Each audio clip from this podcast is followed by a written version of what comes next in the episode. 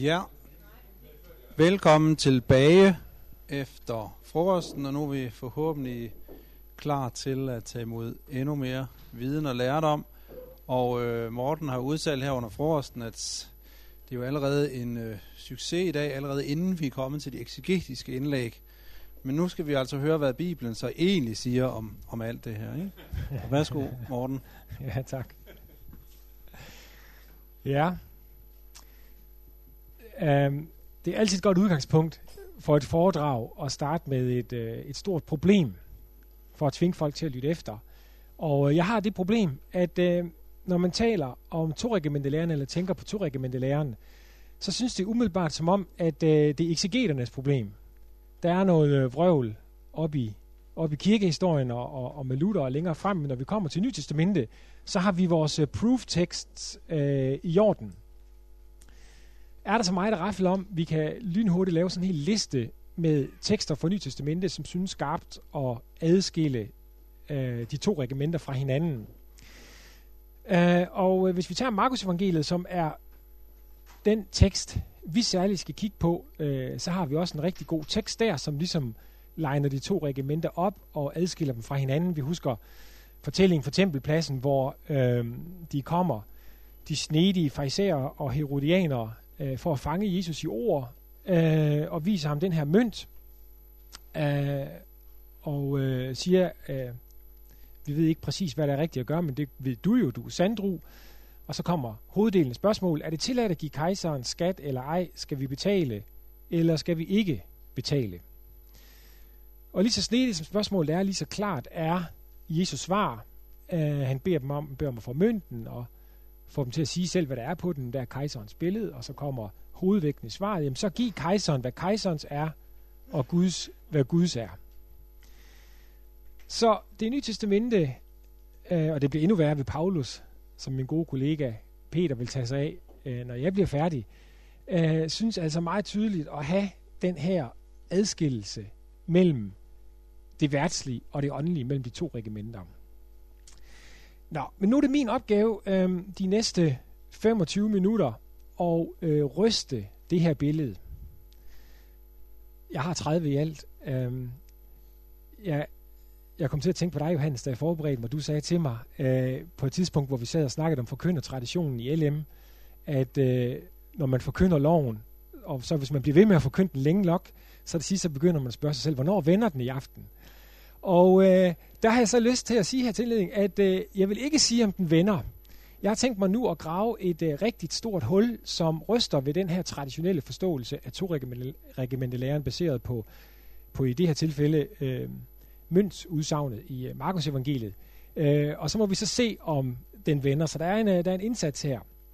Og øh, det vi skal bruge til at ryste os, øh, det er af en nyere tilgang til at læse og forstå evangelierne, som tager udgangspunkt i, at vi i den vestlige verden har briller på, der er så store som hinkesten, der giver os nogle kolossale blinde vinkler, så vi i virkeligheden ikke kan se, hvad det er, der sker her, hvad det er, øh, Jesus siger. Vores sekulære tilgang til evangelierne er anachronistisk. Øh, vi har en, øh, en, en ny opdeling af verden, som man ikke havde, da Jesus udtalte de her ord mellem noget indre religiøst for hjertet og noget ydre politisk for kroppen. Og det gør altså, at vi totalt overser to afgørende ting. Det ene det er, at enhver ting i på Bibelens tid, øh, både det gamle og det nye testamente, rummer en stærk sammenkobling af ting, som er adskilte sfære for os i dag, i, øh, efter oplysningstiden af religion, politik, økonomi, kultur osv., og det andet, vi overser som den her nye postkoloniale, anti-imperielle læsning af Nytestamentet, så i særlig grad sætter vægt på, det er, at inden den her suppedags, hvor tingene hænger sammen, der anvender, anvender et undertrykt folkeslag bestemte koder til at kritisere magthaveren. Jeg kommer mere tilbage til det øh, lige om lidt. Øh, men man kan ikke bare direkte som, som en undertrykt befolkningsgruppe, hvis man vil beholde livet i hvert fald, kritisere kejseren i det her tilfælde. Man er nødt til at gøre det subtilt, kodet og underforstået. Øh, og proof-teksten for den her læsning er sjovt nok akkurat den samme som den, vi lige har set. Fordi hvad er udgangspunktet for en jøde på tempelpladsen øh, på Jesu tid? Jamen det er jo øh, det, gamle, øh, det gamle testamentlige, at øh, den gamle testamentlige trosbekendelse, at vi skal ære Gud øh, med hele vores hjerte, hele vores sjæl og hele vores styrke, underforstået alt hvad vi er, ejer og har, og alt øh, som vi handler efter. Så hvor det for os ligner en salomonisk, salomonisk løsning, en deling af de to regimenter, så er det altså i stedet for en kodet, subtil kritik, der for de første, der hørte Jesus sige det her, vil have lyttet sådan her. Øhm, giv kejseren, hvad kejserens er, nemlig ingenting. Og giv, Guds, giv Gud, hvad Guds er, nemlig det hele. Så Jesus han går altså lige til grænsen af, hvor langt han kan gå i forhold til at kritisere kejseren på overfladen. For dem, der er døve og har store hængesten som briller, der lyder det måske meget fredeligt, men lige under overfladen, når det kobles med øh, Israels trosbekendelse og samtidens øh, sammenkobling af de ting, som er adskilte for os, så bliver det altså helt modsat en stærk kritik af kejseren.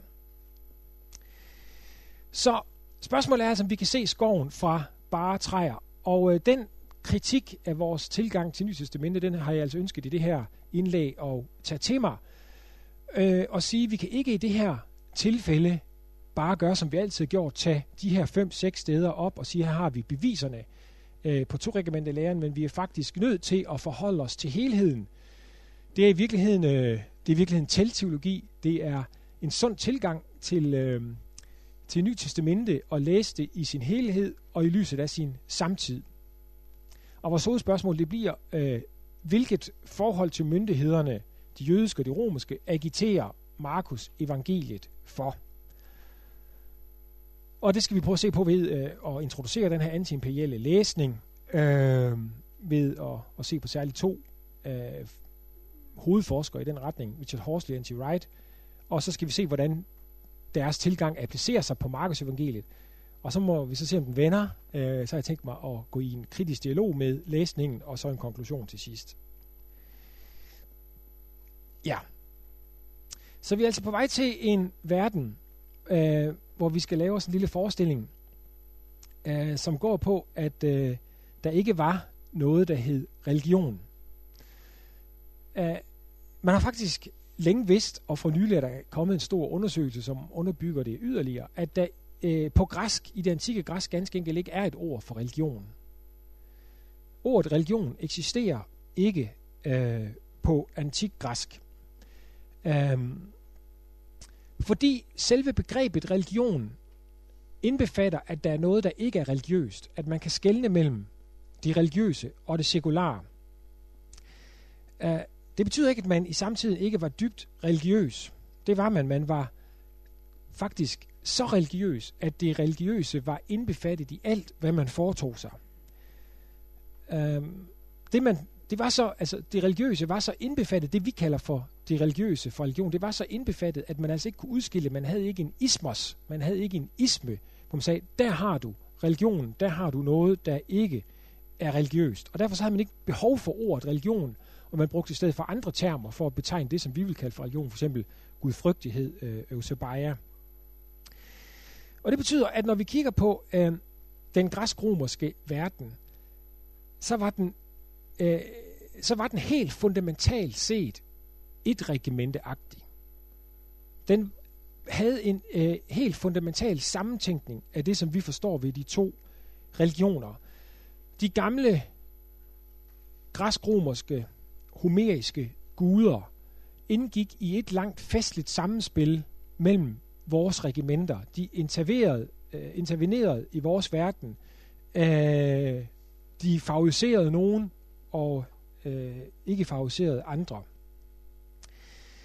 Så det betød, at enhver hersker i antikken samtidig var en religiøs person. Og den person, som mere end nogen anden øh, har betydning for forståelsen af det her, øh, når vi når frem til Nytestamente, det er Alexander den Store.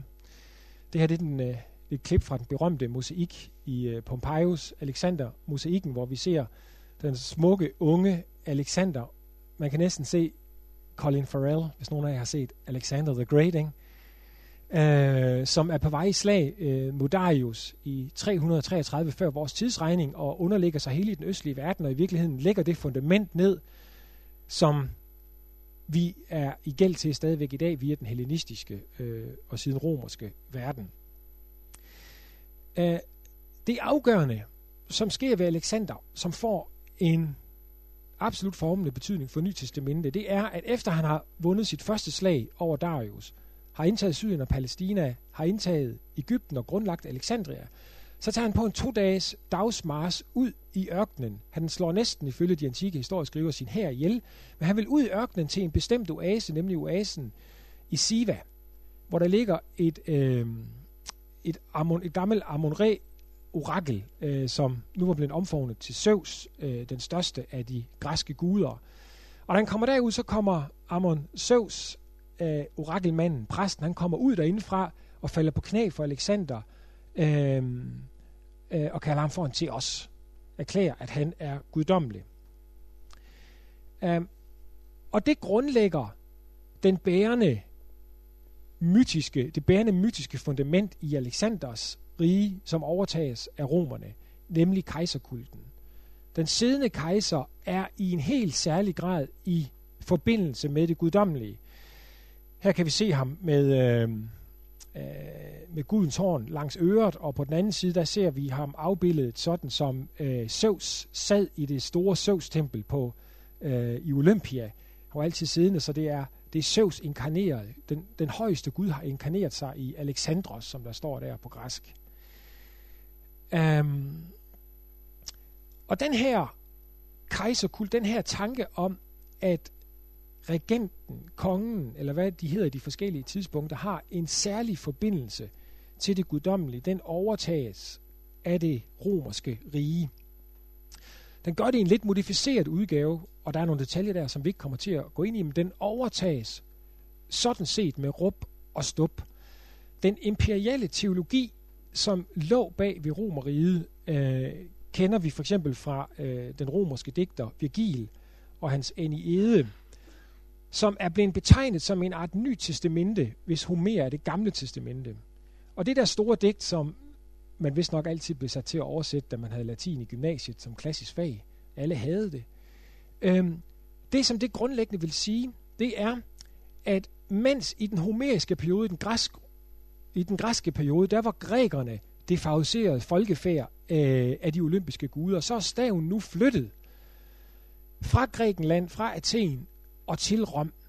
Guderne har nu flyttet deres gunst til romerne, som er det begunstigede folkefærd. Det er dem, der har den øh, nye pagt.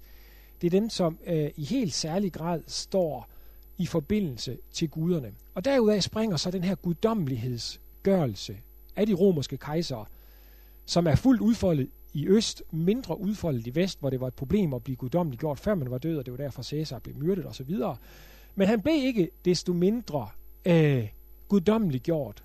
Caesar som Octavian her, vi ser et billede af, kejser Augustus Octavian, var adoptivsøn af, og derfor så kunne han på sin øh, mønter trykke Divi F. Jeg tænker, hvis man havde sådan en guldmønt her, ikke også, man skal ikke slide meget i den F for Filius, for søn, og så står der bare Divi tilbage, så står der bare guddommelig.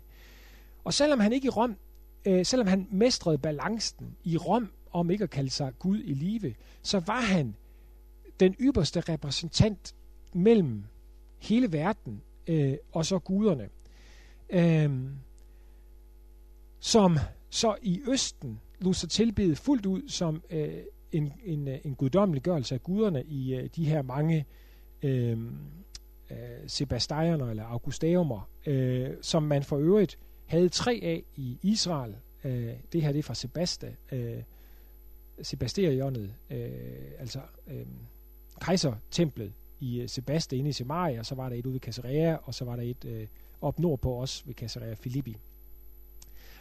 Det, der til gengæld var i Rom, og som Augustus lod opføre 9 før Kristus, det var det ypperste præstlige punkt, det punkt, hvor øhm, guderne berørte jorden. Han opførte i år 9 før Kristus øh, Arapakis fredsalderet. Alderet for fred, øh, som Mussolini vil lade bygge op, og en af de smukkeste ting, man kan se i, i Rom i dag, øh, ude på Marsmarken, hvor der en gang om året blev offret øh, for at den romerske fred, som i virkeligheden var freden, med guderne kunne opretholdes. Altså den, den romerske Pax Romana var i virkeligheden Pax Deorum. Freden i Rom var i virkeligheden freden med guderne. Og det her alter, Arapakis, det var det sted, hvor Augustus på hele verdens vegne, som den her semiguddommelige skikkelse, lod, gik ind og lod ofre øh, en gang om året. Øhm, og de titler, som han øh, lod tage på sig, øh, både i vest og i øst, de lavede heller ikke nogen tvivl tilbage, øh, at, at han altså ikke bare var en, en særlig embedsperson, men altså han var en enten en quasi, en semi-guddom eller en fuld guddom, divi guddommelig, divi filius, Guds søn, soter, frelser, epifanes, den tilsynekommende, øh, til os Gud, Kyrios, Herre. Ja, så øh, et lille stands på vejen her. Øh, første pointe er altså, at vi nu er øh, på vej til en verden, hvor man ikke opererede med de distinktioner, som vi er trænet i at gøre i den postsekulare verden fra oplysningstiden og frem, eksemplificeret ikke mindst ved øh, Niklas Luhmanns samfundsteori, hvor, hvor vi simpelthen består i, hvor, hvor verden består af en række forskellige autonome, selvopretholdende øh, øh, siloer, som vi kan gå frem og tilbage i, sådan at man kan være kristen om søndagen øh, og ikke kristen om mandagen. Det er altså muligt øh, at lave så skarp en sondring øh, for det moderne menneske. Det var absolut umuligt på den her tid. Øhm, og et lynhurtigt udblik øhm, til det gamle testamente, så svarer det her jo meget godt til sådan, som vi har det i det gamle testamente. Der har vi en, øh, en teokratisk samfundsorden, hvor den rette gudstyrkelse er nøje forbundet med den rette politiske handling. Øhm, og der er en, øh, en såkaldt Pinihas-tradition, som går ned igennem de jødiske skrifter, som viser, at når Josefus i, øh, i sine bøger forsøger at nedtone oprørstendensen, blandt andet ved at kalde det en fjerde filosofi, at så er han virkelig ude i et apologetisk ærne. Det lykkes ham heller ikke at skjule det ret godt. Oprørstradition, det at, at, at, at gribe til våben for jøderne, var en integreret del af deres gudstyrkelse. Og Pinias, det var altså ham, øh, som tog en lanse, da der engang var en ung ungersvind i Israel, som øhm, fandt en, øh, en smuk midianitisk kvinde, og så gik Pinias ind i brudesengen og tog lansen og huggede den ned igennem dem begge to. Kan I huske den drabelige historie? Det er en heltehistorie i jødernes selvfortælling på Jesu tid, og det er præcis den, der gribes til, da Maccabæerne begår opstand. Øh, der, skriv, der står der direkte i første Maccabæerbog, at Mattathias handlede som Pinias. Han handlede ud af den her et regimente lærer den her sammentænkning af gudstyrkelse og politisk handling, da han huggede den syriske embedsmand ned. Øh, og det samme med Judas og Galilea, og så frem til den jødiske krig. Godt, så det næste punkt er, at vi skal, øh, vi skal se på den her antiimperielle læsning, og særligt to øh, fortaler for den, og så på den baggrund øh, se på øh, Ny Testamente. Den her forbindelse, øh, som er mellem Rom og evangelierne, ved at de anvender mange af de samme ord, den har været kendt længe. Det er lang tid siden, at man har øh, lagt mærke til den. For første gang, det der er det nye her, det er, at man kobler den ordforbindelse med en postkolonial tilgang, som altså ønsker at sætte et fokus på, hvad undertrykte folkeslag kan og ikke kan. Og så går det fra at bare være en, en ordsammenfald til at være en egentlig intentionel et helt egentlig intentionelt sammenfald, sådan at når kejseren kalder sig selv for Kyrios, og de første kristne så stolt kalder Jesus for Kyrios, for herre, så er det ikke bare en ordlighed, så er det et direkte sammenstød, så er det et clash. Og det er en bølge, det er en bølge, en bølge der er i øh, forskningen lige nu, øh, som jeg vil vurdere har samme, øh, samme springkraft i sig, som det nye Paulus-perspektiv havde og har. Altså, det rummer potentiale til en nylæsning af, af det helt basale i den kristne tro, hvad evangeliet er, øh, som kan få lige så stor betydning, øh, som det nye Paulus-perspektiv øh, havde eller gav udtryk af at have. Så der er altså noget på spil her. Den første, som jeg kort vil øh, give et ris af, og, og som på mange måder er ham, som har grundlagt eller bragt det her i spil øh, i både Paulus og evangelieforskning, det er Richard Horsley. som er en mainline protestantisk teolog, mainline øh, kritisk protestantisk øh, teolog, øh, hvis hovedpointe er at sige, at Jesus engaged, engaged hans samtid, han øh, engaged, altså nærmest et militært udtryk, ikke? Han, øh, øh, hvad for noget? Han engagerede, han angreb, han gik i, han gik i nær kontakt, ikke? Altså han, han satte sin styrke ind øh, i mødet med øh, sin samtid. Som en social profet, der forsvarede landsbyerne mod den ødelæggelse, som øh, især Herodes, Herodes øh, Antipas stod for. Så hans hovedargumenter øh, er, at Galilea var under social opløsning på Jesu tid, og det rejste først Johannes Døberen sig mod, og så siden Jesus som en, en social profet, som ønskede at genoprette den harmoni, der var i det gamle Israel. Øhm, så han ser ham altså i nær forbindelse til det gamle testamente, men en, en enkelt side af det gamle testamente, nemlig øh, socialkritikken fra Amos og så videre. Og en af hans hovedargumenter, det er, kunne man sige lidt overraskende, korsfæstelsen. Modsat øh, liberal teologi, klassik, så betyder korsfæstelsen rigtig meget for Horsley. Og hans pointe er, at den vestlige, unengaged Jesus, den, den, den, den vestlige Jesus, der er på afstand af de politiske begivenheder, han vil aldrig kunne blive korsfæstet.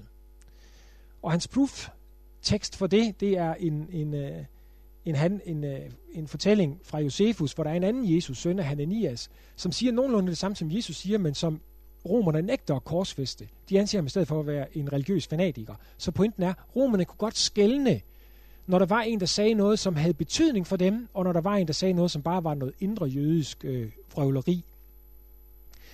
Så Jesus blev altså korsfæstet som en læstdag, som en røver, som en konge.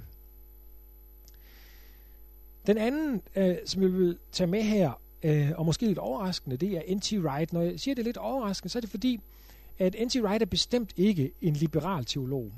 Han er en af dem, som i nyere tid i øh, måske allerhøjeste grad har stået et apologetisk forsvar for en klassisk forståelse af Jesus som øh, guddommelig og den historiske Jesus, til forskel fra de senere billeder, vi har i evangelierne, nogenlunde svar overens.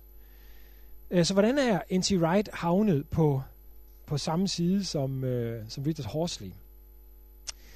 Øh, jamen det er han altså, det er Wright også godt selv klar over. Og øh, han har også noget kritik af Horsley, men der er altså også en stor øh, og en stigende grad af overensstemmelse.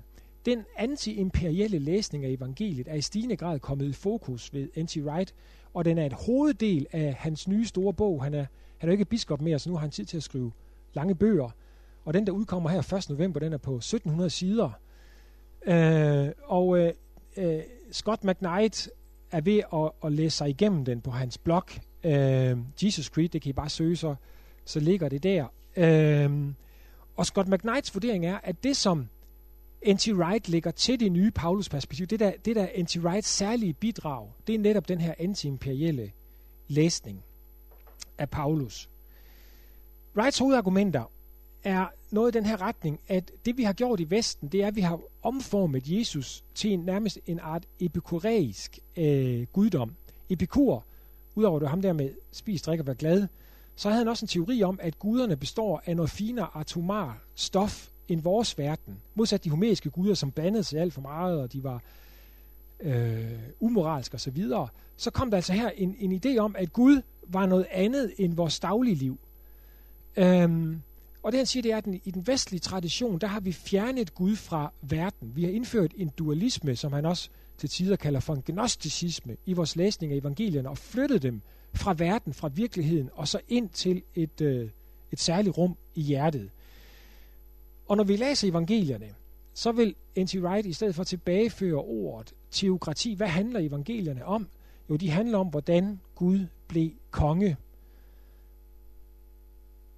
Guds, Guds rige, forkyndelsen af Guds rige ved indledningen til Jesu, for, øh, Jesu virke og hans afsluttende ord, mig er givet al magten i himlen og på jorden. Det handler altså om, at Gud interverer, intervenerer i verden via Jesus og tager magten. Og den vægtlægning gør, at det antiimperielle kommer i fokus. Hvis, hvis, hvis Jesu kongerige er en synlig jordisk ting, så må det jo stå i en konflikt, i en debat med Romeriet. Og som man siger, så er det faktisk muligt, at Markus helt bevidst øh, rammesatte sit evangelium med stærke hentydninger øh, til, at øh, i Jesus der kommer der et empire, som er fuldstændig forskelligt øh, fra det af Caesars. Ja. Det vi skal nu, det er, at vi skal prøve at se, hvor godt virker det her på, øh, på Markus evangeliet. Er der tydelige spor af et clash øh, mellem kejseren og Jesus i Markus evangeliet, øh, ifølge Horsley og Wright. Um, og som opsummering, eller som indledning til det, kan vi tage 1-1 øh, af det, der er begyndelsen på evangeliet om Jesus Kristus, Guds søn. Det rummer nogle direkte hentydninger øh, til nogle ting, som jeg allerede kort har nævnt, som kejseren kunne sige om sig selv. Man har fundet en indskrift for 9 før Kristus, hvor kejserens besøg i Lilleasien blev udrugt som et evangelia øh, som, som, et, som nogle gode budskaber, fordi han var en såtager, han var en frelser.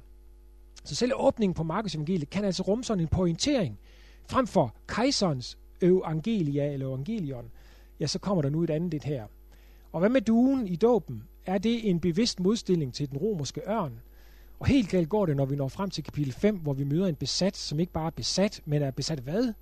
Er en helt romersk her, som en antiimperiel læsning af Markus evangeliet siger, her har vi den hermeneutiske nøgle. Her har vi nøglen til at forstå Markus evangeliet.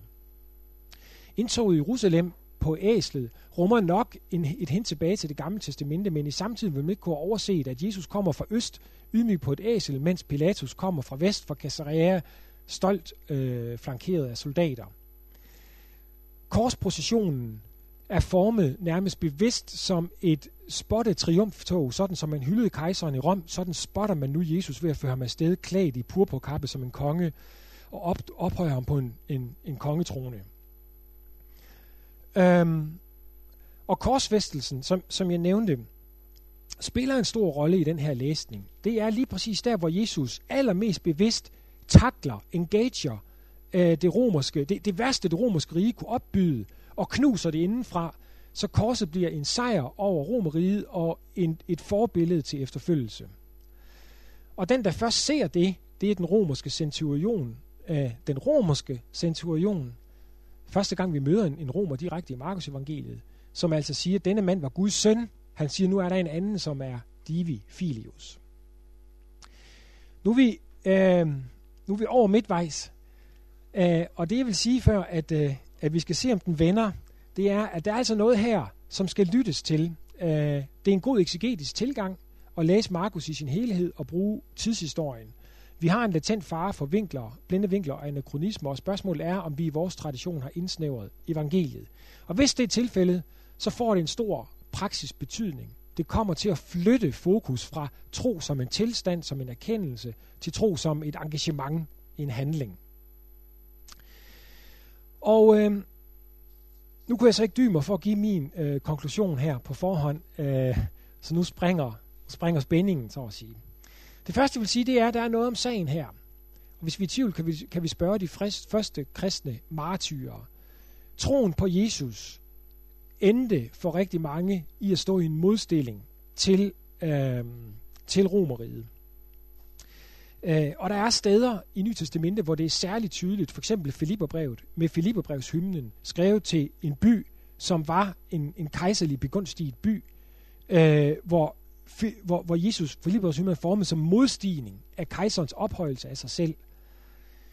Øhm, men jeg vil hæve det, og det er min hovedkonklusion, den antiimperielle læsning laver en grundlæggende fejl ved at forveksle intention med implikation.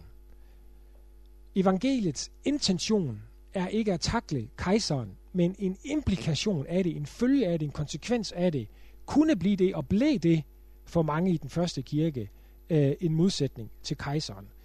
Og det vil jeg kort komme med tre argumenter for, også en tidshistorisk, et, et linje til det gamle testamente, og så noget, som er overset i, øh, i Markus evangeliet øh, i den anden imperielle læsning.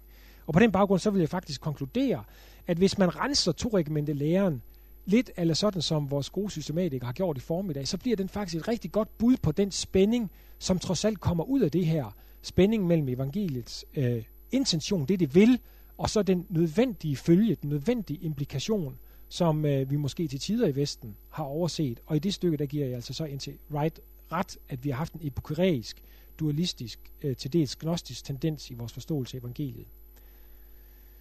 Hvorimod jeg giver ham uret i, at det er den, det er den egentlige intention. Ja, øh, det tidshistoriske vil jeg gøre ret hurtigt, øh, fordi at ved et tidligere foredrag her, så var det hovedsagen. En tidligere dag, vi havde den, vi havde om loven. Det jeg bare vil sige, det er, at øh, øh, ja, det har jeg skrevet om andre steder. Øh, et temanummer af Tell og en artikel på engelsk, hvor jeg er i en debat med, med Horsley. Og øh, hele mit phd arbejde nåede sådan set frem til den konklusion, at Galilea på Jesu tid ikke er under en social opløsning. Det er ganske enkelt ikke den, den primære måde at karakterisere Galilea på Jesu tid, at det var under social opløsning.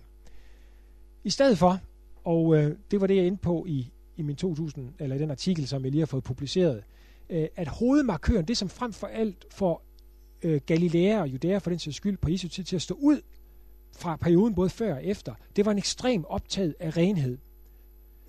Der foregik en renhedsdiskussion blandt jøderne, øh, som ikke kan utømmeligt forklares som en måde at adskille sig fra romerne på. Det var simpelthen en genuin debat om, hvordan bliver man ren for Gud, og hvorfor man brug for at blive ren. Jo, det havde man for at kunne komme nær Gud. Det var en tempeldiskussion.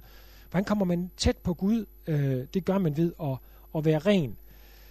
Øh, og så meget så, at det kan ses ned i øh, det arkeologiske materiale med renselsespade, som øh, det her, og særligt brug af stentøj i stedet for lertøj, som man anså for at være mere arkeologisk rent, som markører, som kun er i den her periode. Og hvis vi havde mere tid til det, så kunne vi gå ind i debatten mellem komranitterne, dem der blev tilbage i Jerusalem, som var et kæmpe stort klasse på spørgsmålet om, hvem forvalter loven og adgangen til templet korrekt.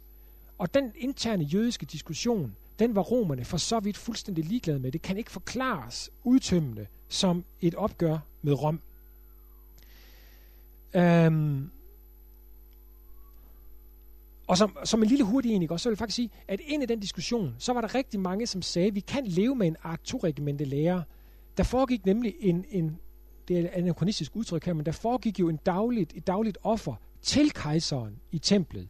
Man offrede ikke eller undskyld, undskyld, for kejseren. Man offrede ikke til kejseren, men man offrede for kejseren. Så der var et dagligt offer for ham, og ikke til ham.